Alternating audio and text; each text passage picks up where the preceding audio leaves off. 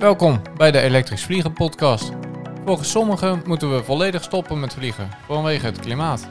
Volgens anderen heeft de luchtvaart juist een prachtige toekomst met elektrisch vliegen. Schoner, stiller en zelfs goedkoper. Maar wat kunnen we nou echt verwachten van elektrisch vliegen? Is het duurzaam en stil? Samen met wetenschappers, pioniers en investeerders nemen Erik en ik je mee op ontdekkingsreis in de wondere wereld van elektrisch vliegen. Kom je mee? Onze eerste gast heeft expertise op zulke diverse onderwerpen dat het lastig is om allemaal op te noemen. Robotica, fusieplasma's en autotechniek. Samengevat, hij is professor van van alles dat beweegt. Hij was ook als een van de eerste betrokken bij elektrisch rijden en nu ook bij elektrisch vliegen. Als je zijn Wikipedia-pagina leest, dan zie je dat hij als geen ander de vertaalslag kent van fundamenteel onderzoek naar realisatie. Voor ons de perfecte reden om hem alles te vragen over elektrisch vliegen. Want we zien allemaal prachtige nieuwsberichten voorbij komen, maar betekent dat nou dat we prachtige vergezichten zien? Is de doorbraak van schoon vliegen nabij of zijn het allemaal luchtkastelen? Maarten Steinboeg, welkom in onze studio, of beter gezegd in deze prachtige hangar. Ja, Maarten, welkom. We zijn erg vereerd om jou als gast te hebben, gezien jouw enorme staat van dienst en ervaring. Het is een hele brede introductie. Welk van de onderwerpen die net voorbij kwamen spreek je het meeste aan? Nou, allereerst uh, leuk dat jullie me hebben gevraagd. Ik vind het altijd heerlijk om, uh, om over mijn werk en mijn visie te praten. En ook leuk om hier te zijn in het gebouw waar ik mijn allereerste elektrische vliegervaring heb genoten. Een paar maanden geleden ben ik door e-flight hier naar buiten in zo'n pipistrel, uh, een kwartiertje boven Deventer, maar daar komen we straks nog wel op. Wat jullie zeiden in de, in de inleiding vond ik erg leuk. Met name uh, dat ik het leuk vind alles wat beweegt. En tegenwoordig voeg ik daar dan naartoe robots, uh, auto's en tegenwoordig ook vliegtuigen en mensen. Ik vind mensen ook heel interessant. Maar vanuit de techniek, ik ben werktuigbouwkundige en ingenieur, vind ik uiteindelijk de, de, de technische dingen en daarover nadenken wat hebben we nodig, hoe kunnen we dat ontwerpen, dat vind ik ontzettend uh, spannend. En als het beweegt, dan gaat mijn werktuigbouw hard, harder kloppen. De reden dat ik trouwens met mijn groep al die verschillende onderwerpen aan kan, dat, dat heeft te maken met het tweede laagje eigenlijk van mijn expertise. En dat gaat om regeltechniek. Dus ik ben binnen werktuigbouw ben ik een regeltechnicus. En mijn groep is, is een systeem- en regeltechniekgroep. En wat, wat wij doen is eigenlijk dat we systemen ontwerpen, software ontwerpen die de besturing van systemen leveren. En dat betekent dat je eigenlijk aan, aan allerlei soorten technische systemen kan werken. Ik ben met mijn groep begonnen om, om voor ASML waferscanners te werken en voor elektronenmicroscopen van vroeger Philips en nu Thermo we, hebben projecten met OC, nu kennen voor printers. Maar ik heb in mijn groep ook een hele lijn opgebouwd rondom automotive en dan met name de aandrijftechniek. En dan met name de, het ontwerpen en de, de regeltechniek van continu variabele transmissies eerst. Met Van Doorn transmissies in Tilburg en later uh, hybride aandrijvingen en later elektrische aandrijvingen. En zo ben ik ja, eigenlijk langzaam ook in dat hele automotive pad gerold. Hoe, hoe is dan de overstap geweest naar vliegen? Want van auto's naar vliegen is toch wel een grote stap, lijkt ja, mij. ik denk dat het een beetje komt door de batterijen. De heilige graal van de hele energie- en mobiliteitstransitie is uiteindelijk de, de batterij. De mogelijkheid om energie op te slaan, mee te nemen uh, en dat zo efficiënt mogelijk te doen. Toen ik voor mijn allereerste keer in mijn elektrische auto stapte in 2013, toen voelde ik al, ik, trapte op het stroompedaal en die auto die schoot vooruit en ik dacht, dit is de toekomst. En toen ik drie weken later mijn eerste over die air software update kreeg in mijn auto, toen dacht ik, dit is de toekomst. Die auto wordt een iPad op wielen. En datzelfde zie ik gewoon mogelijk bij, bij de luchtvaart gebeuren. In ieder geval in het segment tot, tot 500 of 800 kilometer bereik. Dat batterij elektrisch is eigenlijk de meest efficiënte manier om je voor te bewegen. Geen omzettingen, geen warmte verliezen. Dus alle andere mogelijkheden die we hebben om, om de luchtvaart te verduurzamen. Ja, dat is altijd, kost dat veel meer zonneparken en, en, en windturbines. Dan puur direct elektriciteit uit het net, direct via wat, wat kabels je batterij inzetten. Dus het is, het is de meest efficiënte manier om, om eigenlijk dingen te verduurzamen. Nou, daar gaan we het dadelijk nog even uitgebreid over hebben. Wat, we hebben jou eigenlijk vooral gevraagd uh, op Excuse Le Mot een helikopterview te geven op het onderwerp. Ja. Je hebt natuurlijk vanaf het allereerste begin de elektrische auto's meegemaakt en kijkt nu mee naar het begin van elektrisch vliegen. Ja. Het wordt natuurlijk ingegeven door het klimaatakkoord van Parijs dat we in 2050 geen fossiele brandstoffen meer gebruiken. Ja. Dan hebben we het over duurzaam vliegen. Kun je wat meer uitleggen wat duurzaam vliegen voor jou inhoudt? Ja. Kijk, het grote plaatje van duurzaamheid gaat, eh, is eigenlijk vooral dat het totaal in totaliteit circulair is geworden. Dus duurzaam is meer dan, dan geen CO2-uitstoot. Het is eigenlijk ook op termijn geen fijnstof. En alle materialen die we gebruiken, dat we die op een goede manier maken. Maar ook dat we alles recyclen. Dus uiteindelijk denk ik dat we alleen maar op deze aardbol kunnen en mogen blijven leven als mensheid. als we echt alles circulair hebben gemaakt. Dat geldt voor alle sectoren en alle segmenten. Dus de microfoons waar we nou in zitten te praten, dat metaal, dat moeten we uiteindelijk ook volledig circulair maken. Dus niet alleen maar groen produceren, maar ook als, als deze microfoon einde levensduur is, dat we dan alles kunnen hergebruiken. Want uiteindelijk gebruiken we anders de aarde op. Dus voor mij is het woord duurzaamheid echt een, een groot begrip, circulariteit in alles. Als je dan praat over, over mobiliteit, dan is de eerste doelstelling van duurzame mobiliteit is zo weinig mogelijk liefst nul CO2-uitstoot. Eh, en daarna komen dan dingen van dat we ons druk moeten gaan maken over fijnstof en, en, en, en productie en, en recycling. Nou, als je dan verder inzoomt op mobiliteit uh, en je kijkt naar de luchtvaart. Als je nu kijkt naar onze totale CO2-footprint van de wereld, dan is eigenlijk luchtvaart maar een relatief klein stukje. Ik geloof dat het maar 4 of 5 procent is. Dus de grote korte termijn uh, problemen zitten niet in de luchtvaart. En wat is maar een paar procent. En waarom hou jij je dan toch met die luchtvaart nou, bezig? Dat ga ik precies nou vertellen. Want, want het, het grote deel is nu voedsel, industriële productie en mobiliteit met auto's en, en, en, vrachtwagens. Daar zijn we allemaal keihard mee bezig. Daar zien we ook oplossingsrichtingen voor voedsel, hè, kunstmatige hamburgers, zeg maar eventjes, op kweekvlees, waterstof voor de energietransitie van de industrie, mobiliteit, auto's uh, op, op elektriciteit. Maar de luchtvaart is een moeilijke. Want als jij uh, van, van hier van Nederland naar Amerika wil vliegen, dan is er eigenlijk op dit moment geen alternatief dan kerosine te gebruiken. Je kan niet dat, dat vliegtuig volzetten met batterijen als je naar New York vliegt. Of je moet met een zeilboot, hè? D dat zou wel kunnen. En, en een ander alternatief wat heel veel mensen zeggen is van... we moeten gewoon niet meer vliegen. Ja, ik vind dat een beetje gemeen. Dat wij in de westerse wereld zeggen... nou, we hebben nou lekker allemaal gevlogen... en de rest van de wereld die zich nou gaat ontwikkelen... die mag het niet meer. Dat kan niet. En ik denk dat het ook heel tegennatuurlijk is... om tegen mensen te zeggen... je mag dat wel en dat niet. Je zou het wel kunnen beprijzen waardoor je het een beetje kan bijsturen. Maar ik geloof niet in consuminderen. Ik zou het wel willen geloven, maar ik denk gewoon realistisch gezien dat dat hem niet wordt. Dus blijft over dat als we in 2050 volgens de Parijse akkoorden CO2-neutraal zijn in de wereld. En als we dan luchtvaart nog niet hebben opgelost, dan is de 4 of 5 procent van nu is dan 100 procent. En dan is dat het laatste stukje probleem wat we moeten oplossen. Voor containerscheepvaart geldt eigenlijk hetzelfde dat is ook een heel moeilijk probleem. Als je een, een, een boot uit China vollegt met batterijen, dan kan hij niets anders meer meenemen. En dan kan hij nog maar acht dagen varen. In plaats van 40 dagen die hij nodig heeft. Dus batterijen zijn niet de oplossing voor zeer lange afstanden voor containerschepen en ook niet voor de luchtvaart. Ja, dan is de grote vraag: hoe gaan we dat dan oplossen? En, en daar gaat dit gesprek op zich niet over. Dit gaat over elektrisch vliegen. Ja.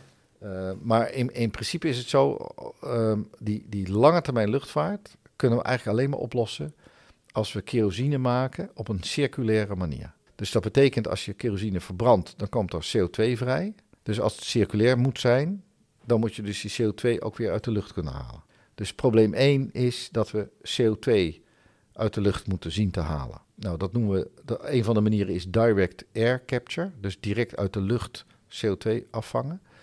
En er is een hele leuke start-up in Eindhoven, Carbion heette die. En die maken machines, high-tech machines, om dus op een veel efficiëntere manier, kosteneffectiever dan nu gebruikelijk, CO2 uit de lucht te halen. Als we dat kunnen doen en we kunnen op een, op een economisch verantwoorde manier waterstof uit elektriciteit maken, uit groene elektriciteit, dan hebben we H2, waterstof en CO2 uit de lucht.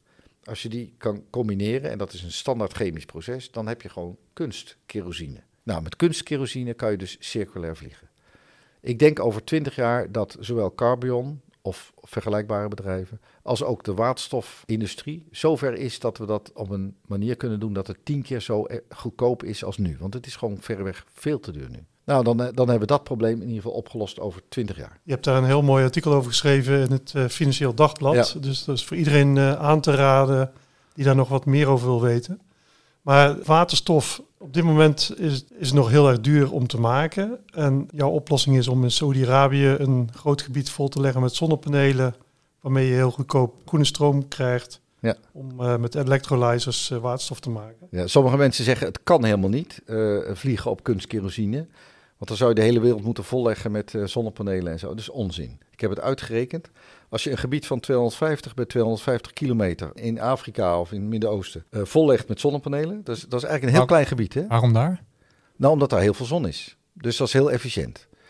Eh, en bovendien, het is, het is, als je er waterstof van maakt of kunstkerosine, kan je het gewoon weer vervoeren zoals we nu ook in containerschepen die dat vervoeren. Dus 250 bij 250 kilometer zonnepanelen. Je zet daarnaast een veld met die machines van Carbion om CO2 uit de lucht te halen. En je zet daarnaast een installatie om van die elektriciteit waterstof te maken. En dan een fabriek waterstof, CO2, kunstkerosine.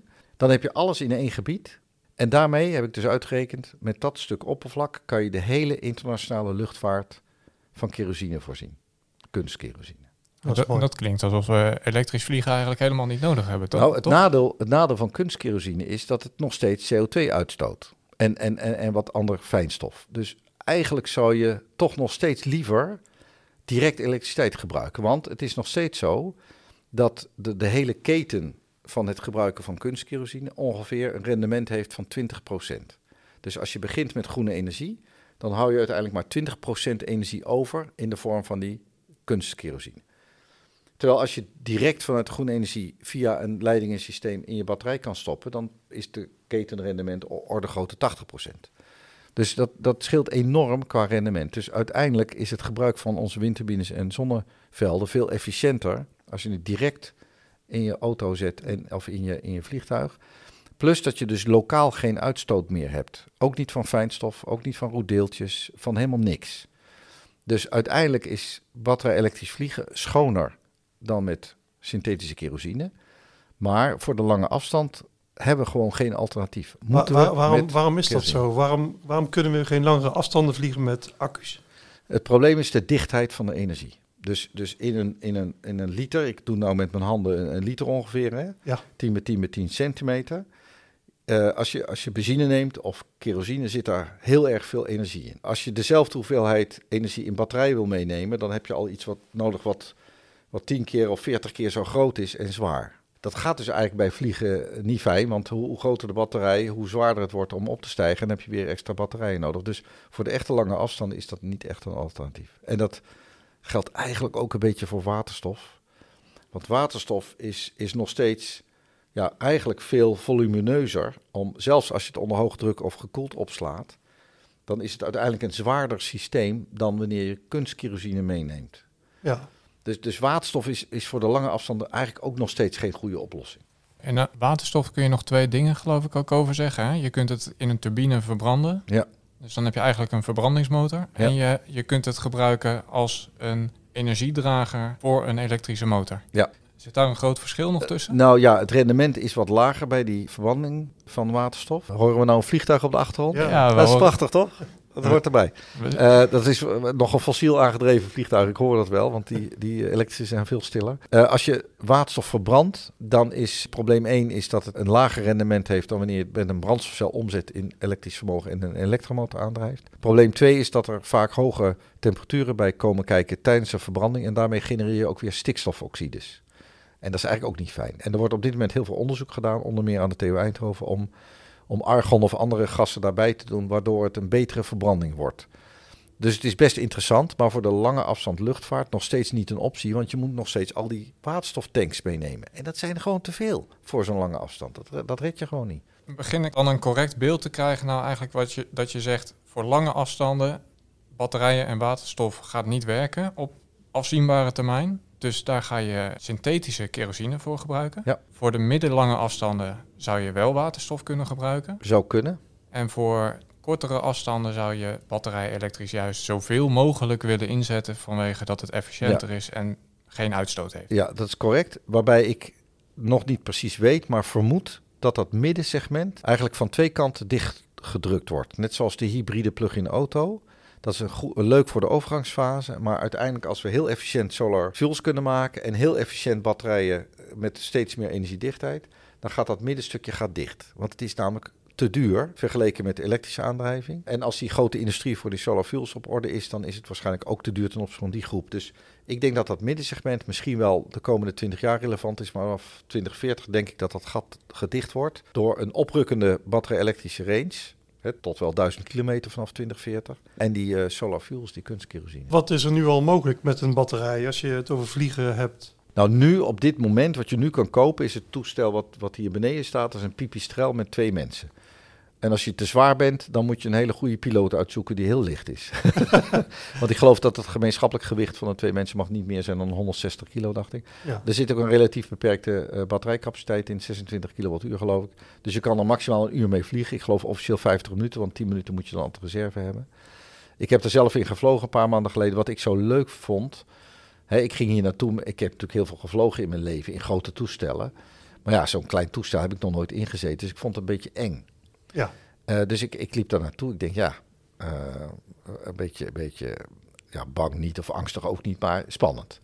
En toen stapte ik erin. Nee, ik, ik, liep langs de buitenkant en ik voelde die vleugels. Ik denk, hé, hey, dat is heel licht. En toen, toen stegen we op en toen dacht ik, ja, dit is eigenlijk gewoon een zweefvliegtuig met, met een propellertje. En toen was ik helemaal, helemaal relaxed. Want ik denk, ja, een zweefvliegtuig, ook al valt de motor uit of gebeurt er, je kan altijd gewoon weer naar beneden. Ja, en zo gingen we ook naar beneden, want we stegen weliswaar heel snel trouwens op op die elektrische motor. Ja, is dat net als een uh, elektrische auto? Absoluut, ja, absoluut. Ja, en het interessante is, de motor staat eigenlijk gewoon uit als je stilstaat. Terwijl die, die, al die propellervliegtuigen hier op vliegveld Teugen, die fossiel aangedreven worden, die staan continu allemaal te ronken. Want die, die die, die heb je niet zomaar ineens aan.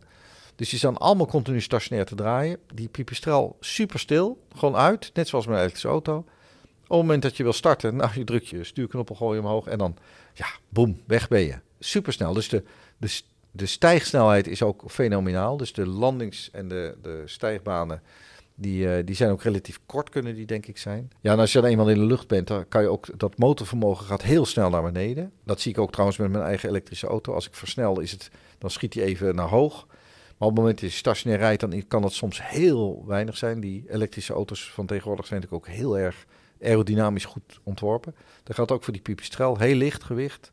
Vliegt dus heel zuinig. Ja, en als je naar beneden gaat, dan zet je de motor uit. Dan ga je gewoon in glijvlucht ga je naar beneden. En af en toe zet je de motor nog even aan om wat bij te sturen of zo. Maar, of, nou, nou, wat vermogen bij te doen. Ja, geweldig. Ja, echt een leuke ervaring was dat. Maar als dat het uh, bereik is op dit moment, hè? een vliegtuig waar je twee niet al te dikke mensen in kunt zetten. Ja. En een met je 50 minuutjes rond kan vliegen. Ja dat lijkt me nog niet de toekomst van het vliegen, zeg maar. Nee, jij vroeg ook naar nu, hè? Je vroeg niet naar de toekomst. Ja, ik vraag wat er nu kan. En... Ja, nee, precies. Dus, dus dit is de huidige stand van wat er nu is.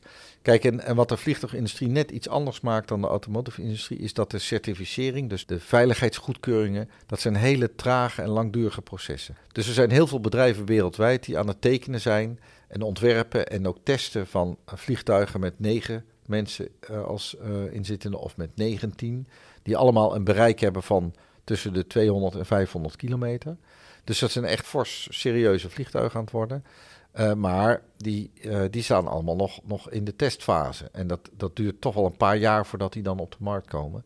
De eerste echte serieuze vliegtuigen, de, de 19 zitters, worden verwacht vanaf 2026. En tot die tijd zullen we wel wat elektrische vliegtuigen zien, maar dat zijn vaak vooral hybride oplossingen. Toyota is natuurlijk met zijn hybride auto ook al tien jaar voordat de e-, eerste echte volledig elektrische auto's kwamen, zijn die al begonnen. Overigens, de elektrische auto is natuurlijk helemaal niet nieuw, hè.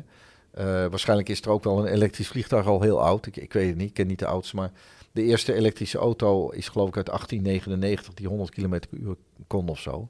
En heel veel auto's in het begin van de vorige eeuw, die waren volledig elektrisch. En in 1970 hebben we een soort hype gezien van elektrisch vervoer en jaren 90 ook weer. Maar nu is het echt doorge, uh, doorgebroken. En je ziet dat het dus soms heel lang duurt. Ik vermoed dat het elektrisch vliegen sneller gaat, omdat we die ervaring nu van die automotive sector hebben. En die drijft in feite de batterijontwikkeling.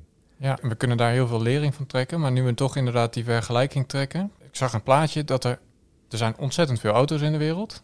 En er zijn relatief heel weinig vliegtuigen in de wereld. Maakt dat wat jou betreft nog uit in hoe snel die, we die transitie kunnen maken? Het is ook natuurlijk een hele andere markt. Het is een hele andere markt. Het mooie is dat vanwege dat het elektrisch vliegen wordt voor dit segment, dat we juist gebruik kunnen maken van die enorme automotive industrie. Want daar is de druk om heel snel hele goede batterijen te ontwikkelen. Die veel meer dichtheid hebben, dus veel meer energie per kilogram of volume-eenheid. Uh, die ook meer cycli aankunnen, die, die een langere levensduur hebben. Die druk is zo groot dat die, die voordelen daarvan in die vliegtuigindustrie kunnen komen. In hoeverre heeft de automotive industrie al op gewicht inderdaad echt zitten innoveren? De energiedichtheid is enorm gegroeid de afgelopen jaren. Ja. Maar ja, ik kan me voorstellen dat voor de vliegtuigindustrie veel interessanter is om echt op dat gewicht te gaan ja, zitten. maar energiedichtheid, dat drukken we eigenlijk uit altijd in wattuur per kilogram. Dus dat is gewicht. Ja? Dat is netto gewicht uiteindelijk. Dus wat je probeert te doen is per kilogram meer gewicht meenemen. En heel, heel gemiddeld gezien de afgelopen 15 jaar is dat 6% per jaar verbetering. 6%. Elk jaar weer 6%. Dus dat zie je gewoon gestaag zakken. En wat interessant wordt, uh, dat zijn natuurlijk de disrupties die we verwachten van solid state, bijvoorbeeld hè, vaste stofbatterijen en andere chemieën. Er zijn talloze onderzoeksgroepen in de wereld en onderzoeksinstituties uh, ook bezig om, om te kijken naar de chemie er worden zelfs allerlei AI-algoritmes om, om combinatie van, van materialen bij elkaar te zoeken. Er zijn bedrijven die hele speciale anode coatings maken. In Delft zit een start-up, Delft IMP, die daaraan werkt. We hebben Leiden Jar uit Eindhoven en Leiden die aan nieuwe anodes werkt. We hebben Lion Volt in Eindhoven die aan solid state werkt. Dus ook in Nederland zijn we heel actief om echt helemaal nieuwe, nieuwe soorten batterijen te bedenken die veel efficiënter zijn. Dus meer eh, kilowatturen, meer energie per kilogram.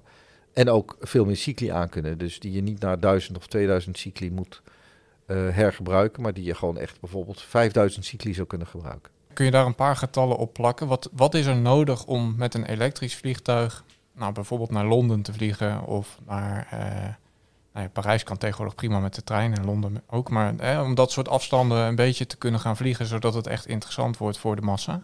Ja, nou ja, de, de vraag is een beetje van hoe groot zijn de toestellen? Dus daar hangt natuurlijk alles vanaf. Het gewicht van de hoeveelheid mensen die je wil meenemen, de cargo. En dus Londen, dat is helemaal niet zo ver. Dus daar kunnen wij, denk ik, vanaf 2026 met die 19 zit, daar kunnen we prima naartoe. Daar is de, de huidige batterijtechnologie goed genoeg voor. De batterijtechnologie van, denk ik, van 2030, die stelt ons in staat om met hetzelfde toestel niet naar Londen te vliegen, maar naar Dublin en eigenlijk nog iets verder. Dus ik, ik, ik, ik denk dat in zo'n 4, 5 jaar in, met name die periode, vanwege ook de, de vaste stofbatterijbeloftes, dat we toegaan naar ongeveer een verdubbeling van de energiedichtheid per kilogram. Dus, dus we gaan van misschien van 300 wattuur per kilogram naar 600 wattuur per kilogram. Ja, en een verdubbeling per kilogram is gewoon dat je met hetzelfde toestel, met dezelfde certificering, maar met nieuwere batterijen, kan je gewoon twee keer zover. Met dezelfde mensen. Of je kan net zover, maar dan met twee keer zoveel mensen. Gaan we dan straks uh, toch door Europa heen vliegen of ja, wordt het toch de trein? Nee, nee, wordt het vliegtuig in Europa. Ja. Oké, want de overheid is nu steeds meer aan het inzetten op treinen ja. als overvoermiddel. Ja, vind ik erg dom. Vind je dat erg dom? Ja. Kijk, je, je, moet eigenlijk wat de overheid doet, en dat begrijp ik ook wel, is denken vanuit het hier en nu. Want zij kunnen niet in een glazen bol kijken en wij kunnen dat vanuit de techniek iets beter, omdat wij al die ontwikkelingen en die wetenschap zien. Dus wij kunnen scenario's maken naar de toekomst toe. Als je vanuit de toekomst redeneert en je weet wat in 2040 of 50, of je schat in wat in 2040 of 50 de batterijtechnologie is, dan kan je terugredeneren wat je dan nu moet doen als beleid. En natuurlijk is het zo dat als je nu een keuze moet maken om naar Parijs te gaan, dan kan je beter de hogesnelheidslijn nemen qua CO2-footprint per reizigerskilometer dan een fossiel aangedreven vliegtuig of auto. Ja. Maar als je met twee mensen in een elektrische auto rijdt, is dat al beter dan in de trein stappen. Terwijl heel veel mensen denken, ja, maar de trein zit toch heel veel mensen. Ja, maar die trein is ook heel zwaar. En die trein zit niet vol. Dus als je met twee mensen in een elektrische auto stapt, is dat voor het milieu al beter dan de trein. En dan zeggen mensen, ja, maar je hebt toch allemaal fijnstof van die auto. Je hebt meer per reizigerskilometer meer fijnstof van de trein dan van een auto. Oké. Interessant, hè? Ja, heel en dat komt door de slijtage van de, van de koperen wielen op de, op de rails. Dat komt door de bovenleidingsslijtage, door de remblokken van de trein. Die trein is een ontzettend zwaar ding. Dus die genereert toch heel veel afvalstoffen terwijl die af moet remmen en rijdt. Maar dan vliegen. Nou, en dat, precies. Dus, dus, dus als je van hier naar Parijs gaat op dit moment, dan is dat met de trein of een auto met twee personen eh, ongeveer vergelijkbaar. En, en dan, dan fossiel vliegen is dan slechter. Als je een elektrisch batterij-elektrisch toestel hebt en je rijdt met een, een beperkt aantal personen, of je vliegt met, met zeg vier personen, dan is dat net zo zuinig of zuiniger per reizigerskilometer qua CO2-uitstoot dan een elektrische auto of een trein. Boeiend, hè? Ja, heel boeiend. Ja. Ja. En nou de vraag over 2040. Dus als je nu als, als beleid hebt in Europa, we moeten overal hoge snelheidslijnen gaan aanleggen, want in de toekomst is dat de beste manier, dan is dat dus een foute beslissing. Want ten eerste duurt dat nog tien jaar voordat zo'n lijn operationeel is. Dus dan zijn we tien jaar verder. Bovendien, als je van A naar B wil, zeg over duizend kilometer, van hier naar Lyon of zo, of van hier naar Marseille, dus precies duizend kilometer, dan moet je duizend kilometer beton storten. Duizend kilometer beton storten. Dat is een enorme CO2-footprint. Zolang die betonproductie niet met waterstof kan of gebeurt, is dat een enorme CO2. Als je met het vliegtuig van, van hier naar, naar Marseille vliegt, dan heb je alleen maar hier in Teugen dit vliegveld. En in Marseille moet je wat, wat beton storten en that's it. That's Ja. it.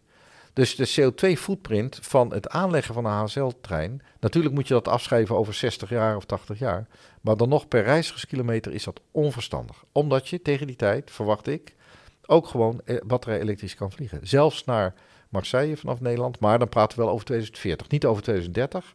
Ik verwacht dat we dan serieus kunnen vliegen tot een bereik van ongeveer 500 kilometer. Maar dan met hele kleine vliegtuigjes waar je... Dan moet je in één keer heel veel vliegtuigjes laten vliegen. Dat wel. dat, eh, eh, alleen, ik, denk- nou rond 2030 denk ik dat we, dat we in de transitie zitten tussen de 19-zitter en misschien wel 40-zitters. Hè, dus, dus Venturi, hè, de start-up eh, van aan een beetje TCV gaan, denk ik wel 300 mensen in of zo. Ja, zeker. Ja, maar, die, maar per reizigerskilometer CO2-footprint is het dus eh, eigenlijk vrijwel identiek. En als je de aanleg van HSL-dingen meeneemt, is het dus slechter om met de trein te gaan. Maar je hebt wel meer toestellen nodig. Dat is zonder meer waar. Alleen het interessante is, we hebben in, in Europa hebben we ongeveer ja, 4000 of 5000 regionale vliegvelden. Zoveel? Ja. Oké. Ja. En heel veel daarvan worden niet gebruikt. En als je ook de last mile allemaal meeneemt. Als ik dus ergens lokaal woon en ik moet naar Marseille rijden. Of ik moet, moet in Nederland moet ik, eh, moet ik naar een, een hoofdtreinstation gaan. Ik moet van, van hier, van Teugen, moet ik eerst naar Amsterdam gaan. Om daar op de trein naar, naar Parijs en dan naar Marseille te gaan. Dan heb ik ook dat lokale vervoer. Ik kan, hier kan ik binnen, binnen 10 minuten op het vliegveld in Teugen zijn. Dan stap ik op een toestelletje. En dan vlieg ik naar Marseille en dan stap ik uit. Of niet naar Marseille, maar dan vlieg ik dus naar het lokale vliegveld, wat dan daar dicht bij mij in de buurt is. Dat is dus anders denken. Dus dit is, dit is nadenken over een nieuw mobiliteitssegment. Wat gaat ontstaan, wat enabled wordt, wat mogelijk wordt, omdat we batterij elektrisch kunnen gaan vliegen. Waarom houdt de, de overheid daar geen rekening mee, denk je? Nou ja, de overheid, overheid probeert wel in dit soort scenario's te denken, maar de overheid die kent natuurlijk het huidige systeem. Die ziet dat als je nu een keuze moet maken, dat je dan beter in de trein kan stappen. En daar hebben ze gelijk in. Dat extrapoleren ze naar de toekomst. Dat is heel moeilijk voor heel veel mensen om, om vanuit de toekomst terug te redeneren naar het beleid nu. Omdat die toekomst is onzeker. Alleen ik ken toevallig de, de potentie van, van de techniek. En, en ik zeg ook niet dat alles precies zo is zoals het zal zijn. Maar ik kan wel in die scenario's denken. En die toekomst van die batterijen, die is ontegenzeggelijk, komt die eraan. Oké, dus het is, het is in ieder geval schoner om te vliegen. Is het, is het dan ook goedkoper dan eh, met de trein? Trein is ontzettend duur. En niet alleen voor de consument. Als je uitrekent wat de Nederlandse overheid in elke reizigerskilometer per openbaar vervoer stopt, de bus, de trein, dat is heel veel. Terwijl de autokilometer en de fiets, de, de fiets, dat kost maar heel weinig aan maatschappelijke kosten, zijn dan de enige ongelukken en zo. De auto, daar trekken ze netto geld uit. En vliegen, daar verdienen ze niks aan, maar ze stoppen er ook geen geld in. Dus, dus als je kijkt naar het totale budget, dan is de trein eigenlijk een van de meest dure vervoersmiddelen. Ook voor overheden, met name ook om die aanleg, die gaat door natuurgebieden en dan moet je van alles nog wat. Dat is zo duur. Als je, en eigenlijk ook zo onzinnig als je van A naar B wil, dat je alles tussen A en B daaraan aanpast. Maar je wil alleen maar van A naar B. En, oké, misschien wil je halverwege C hebben. Oké, dan gaan we van A naar B naar C. Of van A naar C naar B. Maar daartussen hoef je niks te doen. Wat denk je dat elektrisch vliegen gaat doen met de kostprijs van vliegen? Van vliegen zelf. Ja. Ja. Ik denk dat die kostprijs van vliegen iets omhoog moet. Omdat eh, er nu internationaal is afgesproken dat je er geen belasting over heft. Terwijl lokale overheden soms wel kosten hebben om toegangswegen voor vliegvelden eh, te bestraten, om even iets, iets plats te zeggen. Dus ik denk wel dat we internationaal moeten gaan afspreken dat je gewoon BTW betaalt. Als je dat meeneemt, maar dan gaat het maar over tientjes per vlucht naar Zuid-Frankrijk, om even een voorbeeld te noemen. Dus dat is echt niet een factor 2 of zo, dat is gewoon, gewoon een paar tientjes.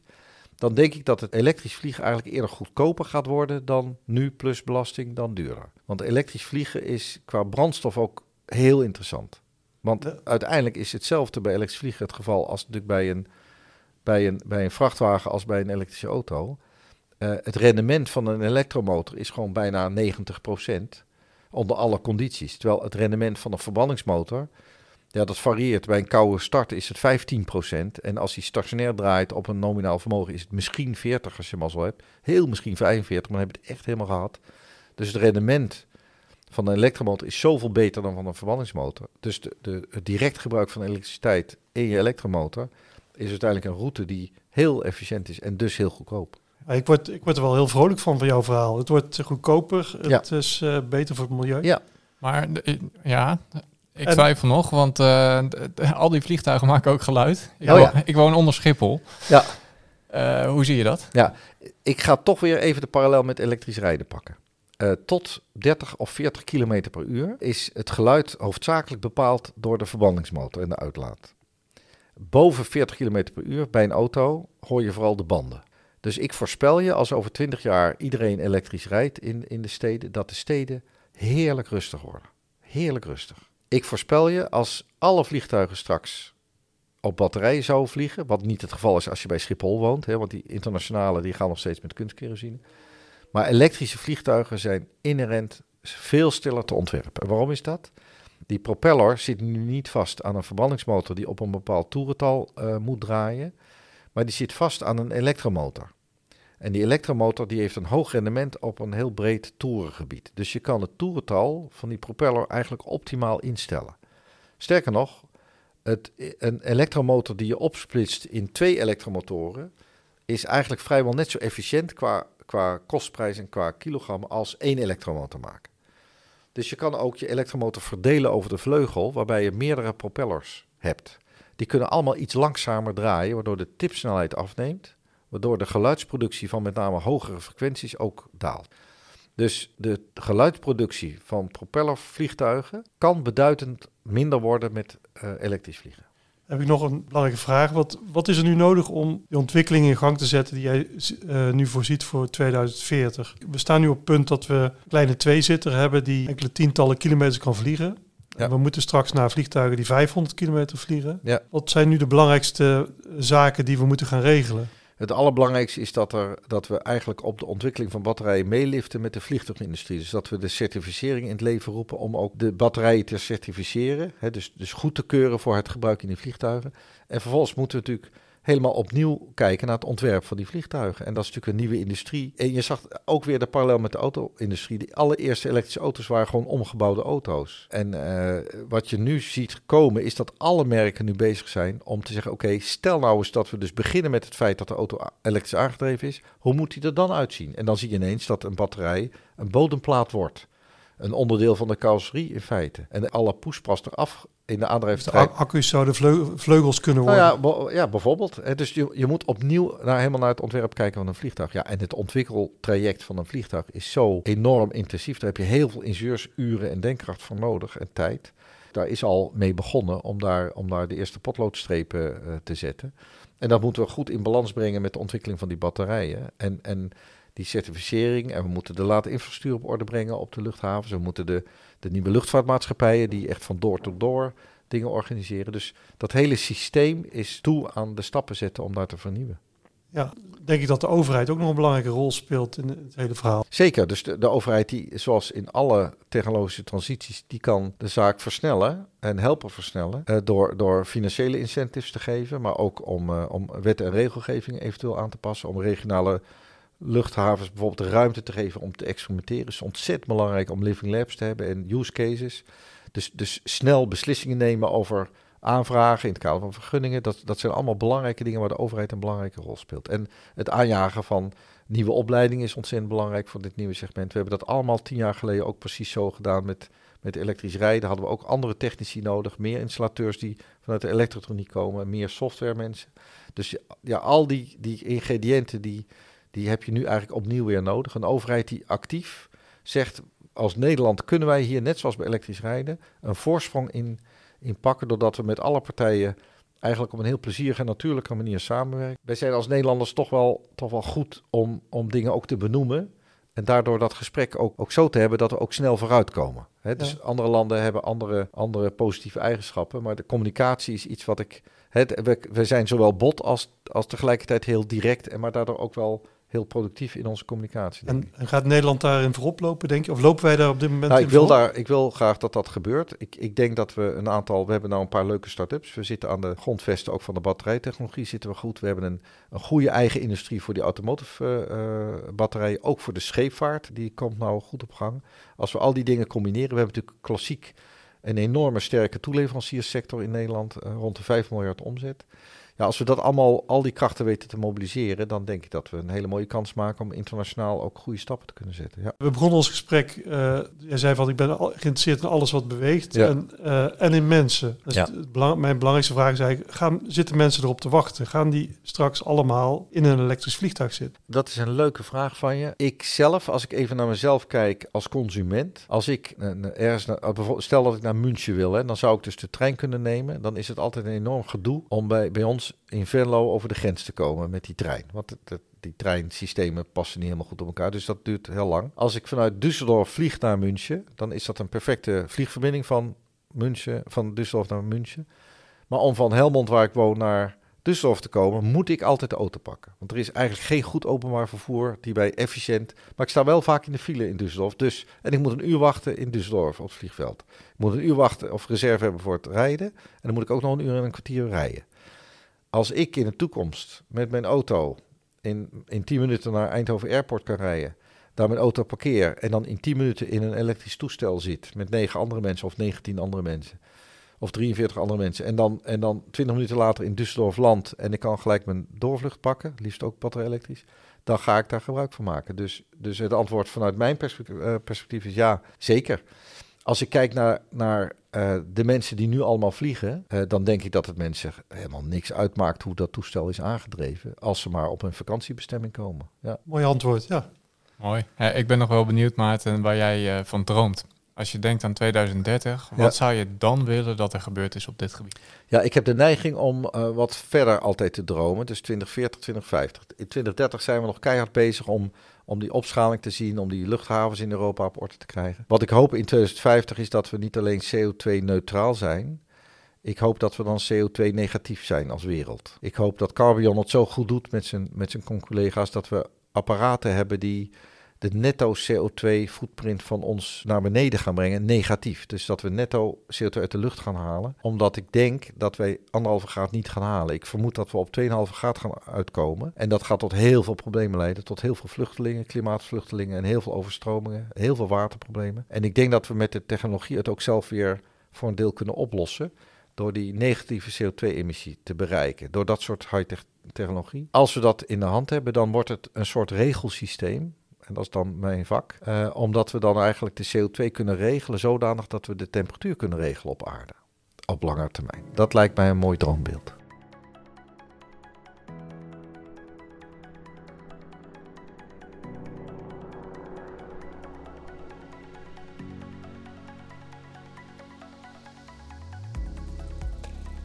Dankjewel Maarten Steinboeg voor je interessante verhaal. En bedankt luisteraars voor het luisteren naar de eerste aflevering van de Elektrisch Vliegen podcast. In deze onafhankelijke serie bespreken wij, Allard Haarman, En Erik van Stockholm. de mogelijkheden en onmogelijkheden van batterij-elektrisch vliegen voor een duurzame luchtvaart. Abonneer je in je podcast-app om op de hoogte te blijven van onze nieuwe afleveringen. En kijk ook eventjes op LinkedIn. Als je zoekt naar de Elektrisch Vliegen podcast kun je daar vragen en suggesties kwijt. En in de tussentijd, nou, wacht even op onze volgende aflevering en tot de volgende keer. Tot de volgende keer.